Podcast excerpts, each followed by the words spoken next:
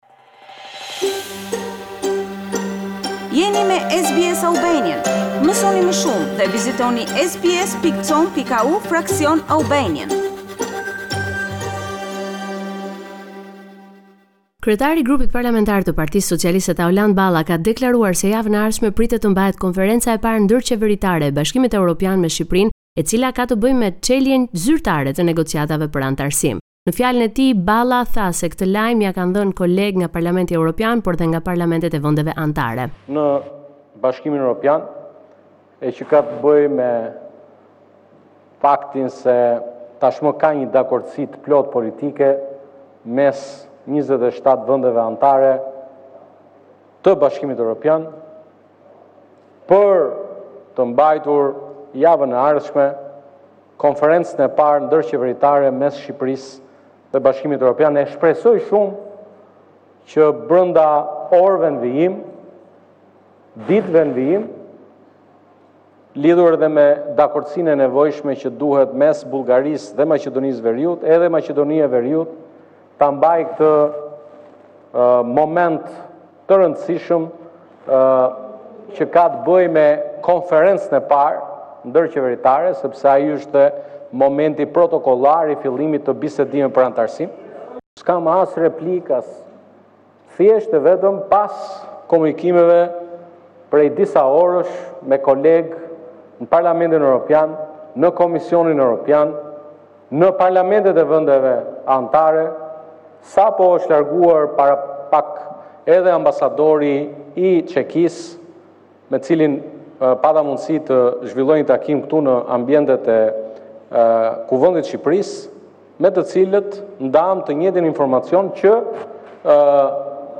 ua ndava dhe ju, dakordësia politike tashmë është arritur dhe mbajtja e konferencës së parë ndërqeveritare javës tjetër është një fitore shumë e madhe as e jona, as e juaja, por në radhë parë është fitorja e gjithë shqiptarëve. Dhe prandaj, dhe prandaj Unë do i kërkoja çdo kolegu deputet që ndjen përgjegjësi në radhë parë për vendin e vet, për Shqipërinë tonë përbashkët, që këtë moment historik të mos ta ndajmë. Këtë fitore të rëndësishme për Shqipërinë mos ta ndajmë, por ta ta përcjellim me përgjegjësinë që i takon këtij momenti historik.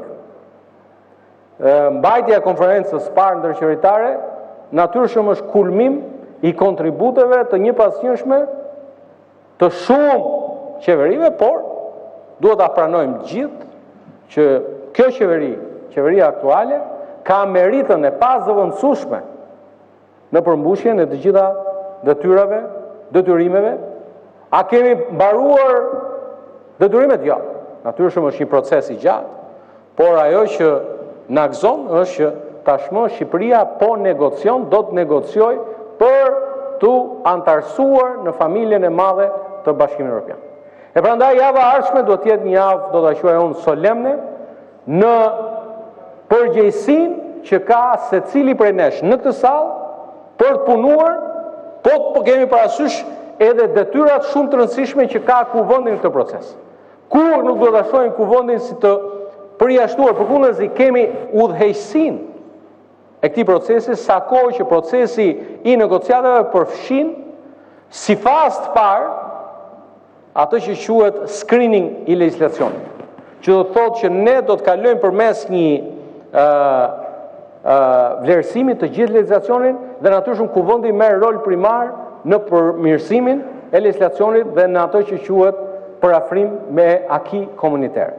Prandaj, zonja, zotërinj, e kërkova fjalën për të ndarë me kolegët këtë Lajm shumë të mirë për për vendin dhe për gjithë Shqipërinë dhe për gjithë shqiptarët, sepse fund fundit fillimi i bisedimeve për anëtarësim për Shqipërinë është një fitore e të gjithë shqiptarëve ku ata kudo që ata jetojnë, e unë uroj shumë që minutat, orët në vijim, të jenë vendimtare edhe për ë mbajtjen e konferencës së parë ndërqeveritare mes Shqipërisë dhe Maqedonisë së Veriut.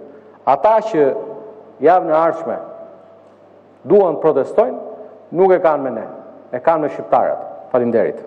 Historike e konsideron Sali Berisha protestën e shtatë korrikut. I ftuar në emisionin Opinion, ai ka thënë se të enjten e ardhshme shqiptarët do zbresin të shumtë në shesh për të protestuar kundër qeverisë. Populli, shoqëria, shqiptarët zbresin në histori. Populli zbret në rrugë për të bërë rrugën. Sigurisht populli opozitar, por gradualisht mbarë populli shqiptar besoj. Beteja nuk pret mot. Beteja kur të thërret do t'i përgjigjesh. Ishte një thirrje e përgjithshme e demokratëve, e grupeve të mëdha të interesit, e bizneseve. Ishte e mjekëve, intelektualëve, shoqërisë civile, u shpreh Sali Berisha në fjalën e tij. Pyetjes pse zgjodhi një ditë të nxehtë korriku dhe nuk priti shtatorin për të protestuar, ai tha se koha për betejë nuk pret. Gjithashtu Berisha tha se të gjithë janë të ftuar t'i bashkohen këtij tubimi, por Basha dhe disa nga bashkëpunëtorët e tij më të ngushtë nuk duhet të jenë në shesh më datën shtatë shtator. Filloi të premten ndërtimi i parkut më të madh fotovoltaik në të gjithë Ballkanin Perëndimor. Ministrja e Infrastrukturës dhe Energjisë Belinda Balluku tha se parku do të nisë që të prodhojë energji diellore nga mesi i dy mijë e njëzet e treshit. që prej kësaj periudhe dhe 15 vitet në vijim, Shqipëria do të marrë 70 megawatt orë me 24.89 euro.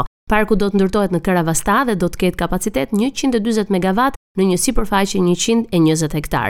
Ndërtimi do të bëhet në bashkëpunim me liderin botëror në sektorin elektroenergjetik, kompaninë franceze Voltalia. Sipas qeverisë, ky është një tjetër hap i rëndësishëm drejt pavarësisë energjetike të Shqipërisë. Spak ka dalë me deklaratën se pesë ish zyrtarë të Shërbimit Informativ Shtetëror dhe Policisë së Shtetit janë marrë të pandehur për nxjerrje të dhënave sekrete në bashkëpunim. Hetimi i nisur kryesisht nga vetë SHISH është referuar më pas nga antiterrori në Prokurorinë e Posaçme e cila ka vijuar ndjekjen e zyrtarëve me metoda të posaçme hetimi. Pesë personat që kanë dalë të përfshirë në spiunazh njëri pas tjetrit nga vëzhgimet e autoriteteve duke nxjerrë të dhëna sekrete për persona që përfaqësonin vende jo mike me Shqipërinë, janë vënë nën akuzë për dhënie të informatave sekrete, marrja e shpërblimeve, vënia në shërbim të shteteve të huaja dhe grup i strukturuar kriminal. Sipas informacioneve të referuara dhe që ende mbahen sekret nga prokuroria e posaçme, bëhet me dije se në një rast njëri prej ish zyrtarëve ka nxjerrë të dhëna për detyrat që mbanin zyrtarë të ndryshëm në institucione të vendit. Spak ka qenë diskret në këtë çështje për shkak të rëndësisë së tij dhe nuk është ende e qartë për cilat vende kanë dhënë informacione të akuzuarit. Ekzistencën e kësaj dosje e ka bërë publike fillimisht Shërbimi Informativ Shtetëror në raportin vjetor për dy mijë e njëzet e një-shin. Të dhënat e Instat tregojnë se në tremujorin e parë të vitit dy mijë e njëzet e dy, Durrësi dhe Lezha kanë qenë dy qarqet me normat më të larta të të punësuarve në vend, përkatësisht gjashtëmbëdhjetë pikë një për qind dhe njëzet e dy pikë shtatë për qind, në një kohë që norma mesatare e papunësisë në shkallë kombëtare në këtë tremujor ka qenë njëmbëdhjetë pikë tre për qind. Nga ana tjetër, Gjirokastra dhe Kukësi patën normën më të ulët të punësimit me rreth 4%. Sipas të dhënave zyrtare, Kukësi është qarku më i varfër në vend dhe mbi 70% e ekonomisë dominohet nga bujqësia. Të dhënat mbi papunësinë në 12 qarqe tregojnë se 5 prej tyre, Lezha, Durrësi, Vlora, Dibra dhe Tirana, e kanë treguesin mbi mesataren kombëtare, kurse në 7 qarqe të tjera treguesi i papunësisë është nën mesataren kombëtare.